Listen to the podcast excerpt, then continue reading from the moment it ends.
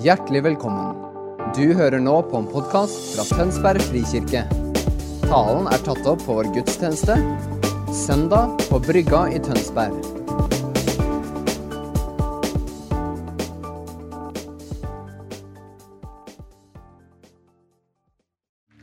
Kjære konfirmanter, gratulerer med dagen. Endelig er den her, festdagen, som vi har sett fram til. Vi har hatt et flott år sammen, og det gjorde ikke lite inntrykk på oss konfirmantledere når eh, den viktigste tilbakemeldingen, eller iallfall den viktigste for oss tilbakemeldingen dere ga, det var at det var for få konfirmanttimer. De skulle gjerne hatt flere. Da må de ha hatt det greit, tror du ikke det? Ja? Det var veldig kjekt. Og med det så er vi også glad for da, at uh, det stopper ikke her, for dere er en del av menighetsfamilien. dere er en del av huset. Noen av dere skal være miniledere. Vi skal på sommerleir og på Åpen himmel i Grimstad til sommeren. Og så fortsetter et nytt år med Frik. Så dette er på ingen måte en avslutning. Men det er en markant overgang, og er overgangsrite. Det var veldig sånn gammeldags ord. Men greia er at vi har behov for å markere noen av disse overgangene. Og selv om det er ganske lenge siden mamma og pappa tenkte at uh, når de blir konfirmanter, så blir de voksne det, det, da er vi veldig langt tilbake. Så er allikevel et eller annet med denne dagen som er viktig. En dag for å feire, en dag for å feste, og en dag for å feire dere. Og Benjamin, Thomas og Sander, se på meg. Hver og en av dere er verdt en fest. Ta det inn. Hver og en av dere er verdt en fest. Og Det er derfor mamma, pappa, tanter og onkler har stått på huet den siste tida for å gjøre klar for denne dagen. Nettopp for å feire dere. Og dette er en dag hvor vi ser tilbake. ikke sant? Og det kommer til å bli mange ord, mange bilder som alle de andre syns er morsomme og søte, og dere syns er litt kleine. Mange sitater om hva dere har sagt i morsomme situasjoner opp igjennom. Som er mer moro for dem enn for dere, i hvert fall nå i øyeblikket. Men, men gutter, det dette viser, er at hver eneste sesong, hvert eneste år i deres liv, så er dere sett, og så er dere hørt, og så er dere lagt merke til. Dere har folk rundt dere som minner dere om i dag at hele tida er dere sett og hørt og elska av de folka som står rundt dere. Så ta det til hjertet. Eh, I våre dager filmer vi jo alt. Film gjerne talene også. Ta vare på de. Ta de fram på en regnverkstad. Det er veldig lett, dere, um, når vi, hverdagen går, at vi lener oss mer inn til de orda om hva som ikke er bra med oss, enn hva som er bra med oss. La de gode orda dere får i dag, skape.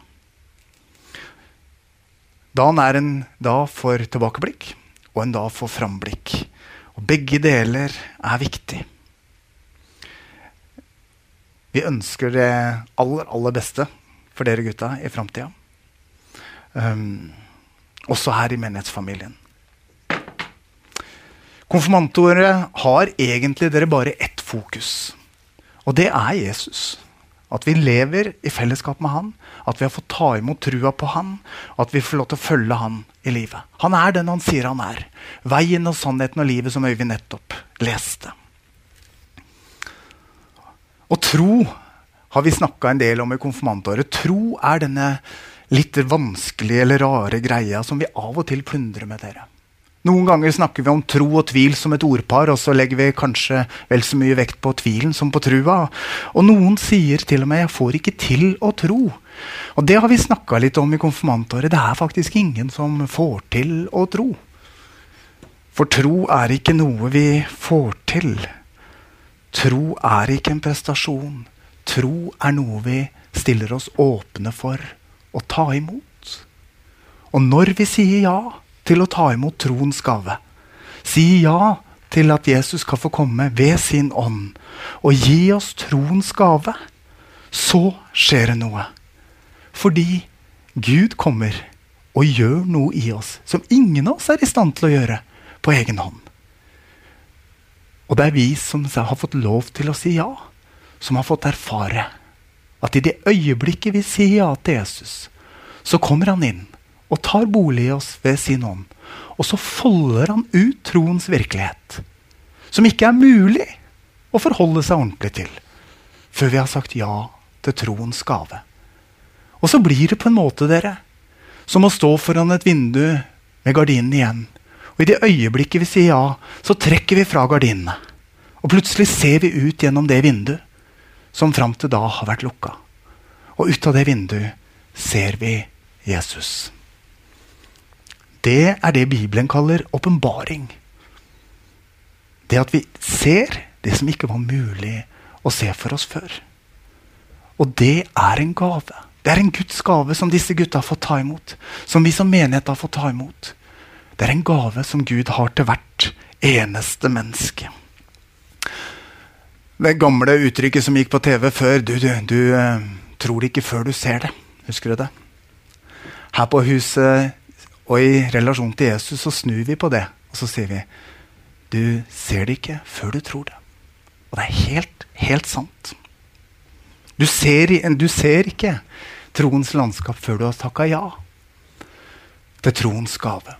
Du trenger ikke skjønne alle ting, du trenger ikke få det til å gå opp. Men i det øyeblikk vi sier ja, så vil Den hellige ånd folde ut troens virkelighet for deg. Og så ser du det du ikke trodde var mulig, og som vi nettopp sang om. Når jeg spurte Gud, hvilket ord er det du ønsker at jeg skal hilse konfirmantene med, så fikk jeg Jeremia 29, som jeg har lyst til å gi dere på høytidsdagen. Jeremia 29, vers 11 og 12, og begge versa er like viktig. Eller 12-14, egentlig. Og der står det Jeg vet hvilke tanker jeg har med dere, sier Herren. Fredstanker og ikke ulykkestanker. Jeg vil gi dere framtid og håp. Når dere kaller på meg og kommer for å be til meg, så vil jeg høre på dere. Dere skal søke meg, og dere skal finne meg. Når dere søker meg av et helt hjerte, så lar jeg meg finne, sier Herren. Er ikke det flotte ord? Løftesord. Han driver ikke og finter oss. Han driver ikke og lurer oss. Når vi søker han av et helt hjerte, så lar han seg finne. Hans ord til dere på denne dagen er at han ønsker å velsigne dere med framtid og håp. Ikke ulykkestanker, men fredstanker. Når de orda lød i sin første Disse orda tar vi forresten veldig ofte fram på sånne dager som i dag. Eh, fordi at det er sånne løfteord som vi gjerne hilser hverandre med. Men den gangen disse orda lød første gangen fra profeten, så var det ikke lykkeønskninger på en soldag. Men det var faktisk veldig viktige ord inn til et folk som var flyktninger, og som hadde det ganske tøft.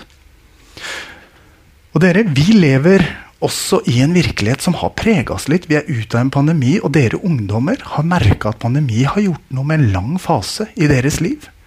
Eh, det har gjort noe med dere, og det har dere merka. Og så går vi ikke før ut av pandemi, og så, og så, får vi en krig så nært på oss at vi kan på en måte ikke unngå å bry oss om det. Og Derfor så er disse orda kanskje akkurat like viktige for oss da, som de var den gangen de lød første gangen. For midt i en verden og en virkelighet som både er god og vond, som både har lyspunkter og utfordringer, så er det Guds ønske å si jeg vil gi dere framtid og håp.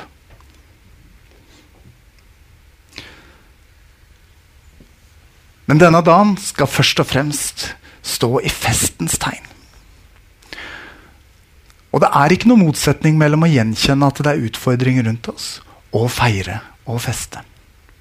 Gutter, gjennom hele livet så kommer dere til å erfare at uh, glede og sorg, utfordringer og seire, gjennombud og vanskelige tider, det går hånd i hånd. Det er en del av livet. Livet er ikke sånn at du liksom endelig kommer fram til den virkeligheten hvor alt bare er fryd og gammen. På den andre sida det er evighetshåpet vårt. Det, det sang vi også om i stad. Men på denne sida går de hånd, hånd, går de hånd i hånd. Og derfor er det viktig å sette av dager som i dag for å feire og for å feste. Og glede oss over det i livet som er verdt å glede seg over. For noen gutter, så, så, og dere andre Unnskyld, det er ikke bare gutta jeg snakker til. Eh, så står dette her med spenningen mellom godt og vondt det står litt i veien for det å kunne tro på en Gud som er god. Jeg har lyst til å hente fra meg eksempelfortelling som jeg har brukt med konfirmantene tidligere. Men jeg bruker den gjerne igjen fordi den illustrerer noe veldig godt. En anekdote, en samtale mellom en lærer og en elev. Hør på dette. En dag utfordra læreren elevene sine med et spørsmål har Gud skapt alt som eksisterer. En av elevene svarte ja, det har han. Så Gud har skapt alt, spurte læreren, og ennå var det en tydelig undertone der. Ja, svarte eleven, det har han gjort. Og læreren fortsatte. Hvis Gud har skapt alt, da skapte Gud ondskapen også, da. For siden ondskapen fins, og siden Gud har skapt alt, så kan vi vel anta at Gud er ond. Læreren virka ganske fornøyd etter det resonnementet, for han tenkte der fikk han satt på plass at troen, den kristne troen var en myte. Så var det en annen elev som rakk opp hånda og sa du, lærer, kan jeg stille deg et spørsmål. Ja, sa læreren. Lærer, fins kulde? Hva slags spørsmål er det, sier læreren. Har du aldri vært kald? Selvfølgelig fins kulde.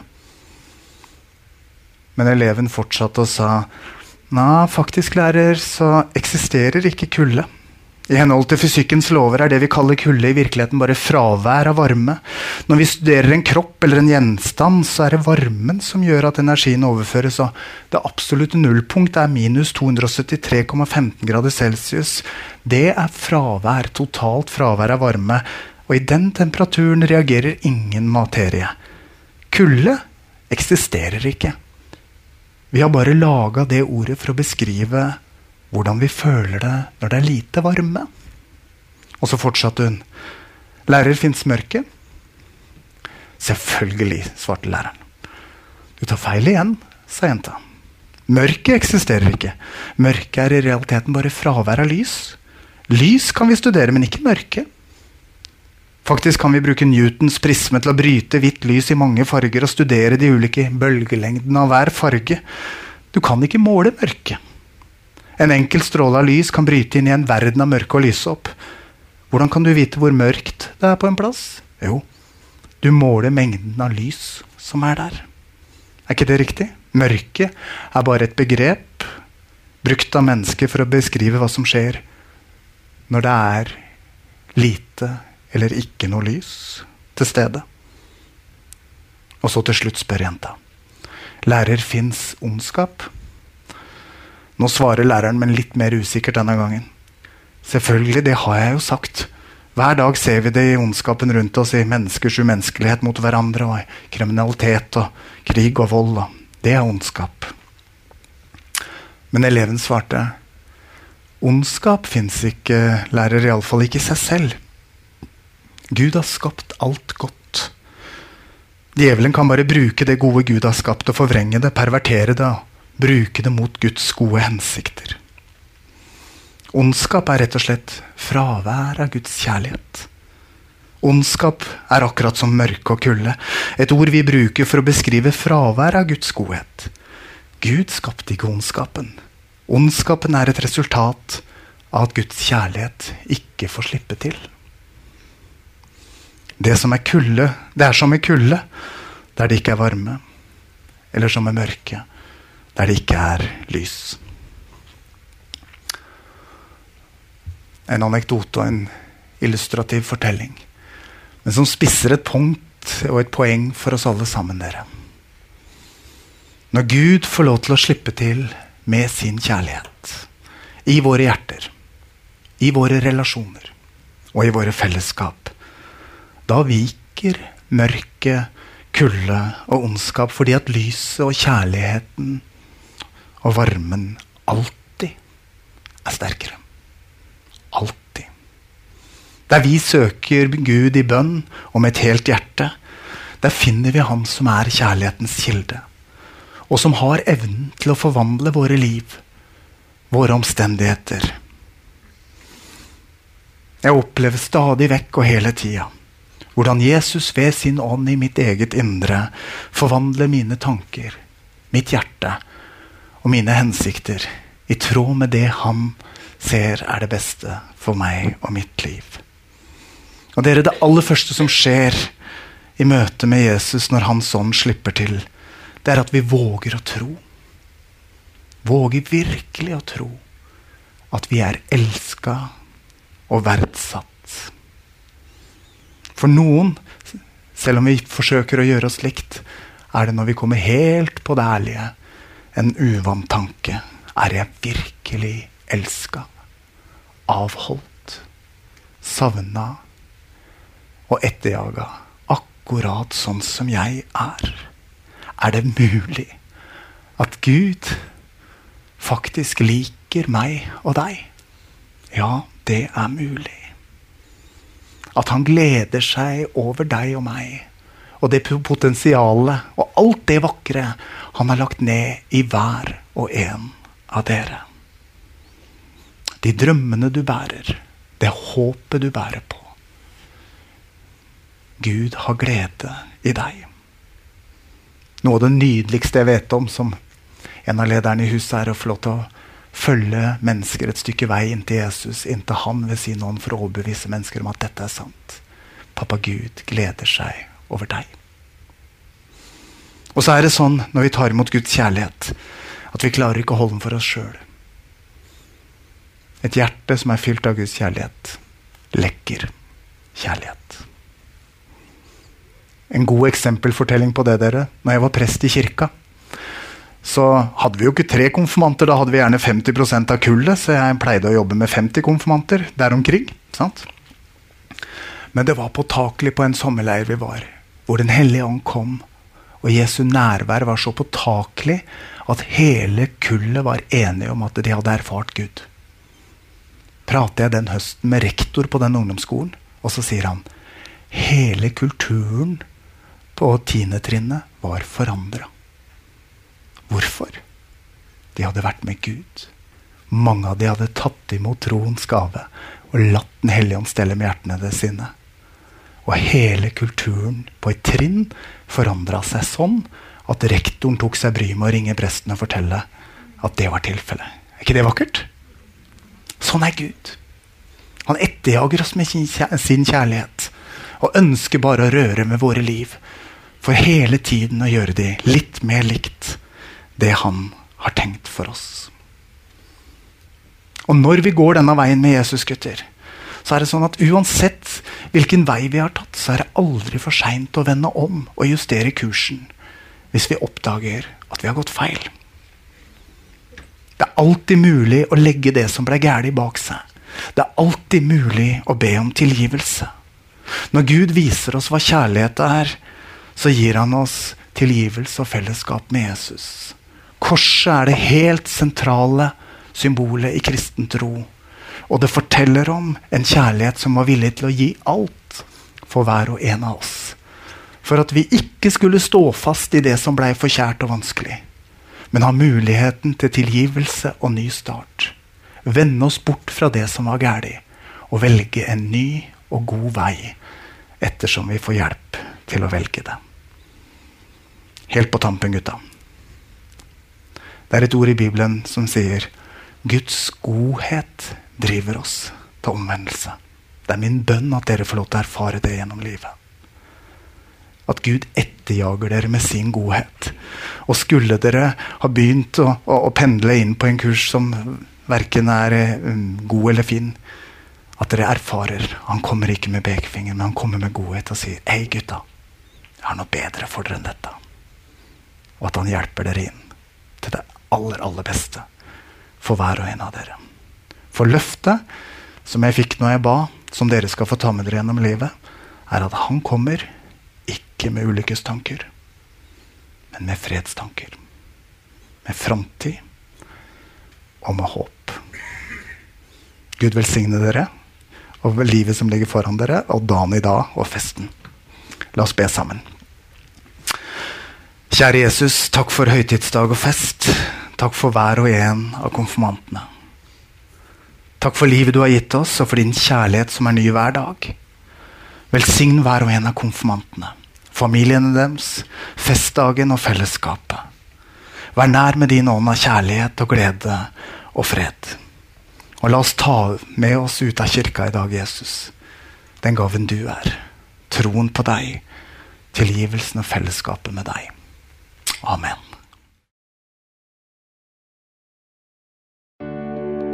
Takk for at du hørte på vår podkast. Har du spørsmål eller ønsker du å vite mer? Søk oss på vår nettside tonsbergfrikirke.no. Du er også velkommen til kirke på Brygga i Tønsberg.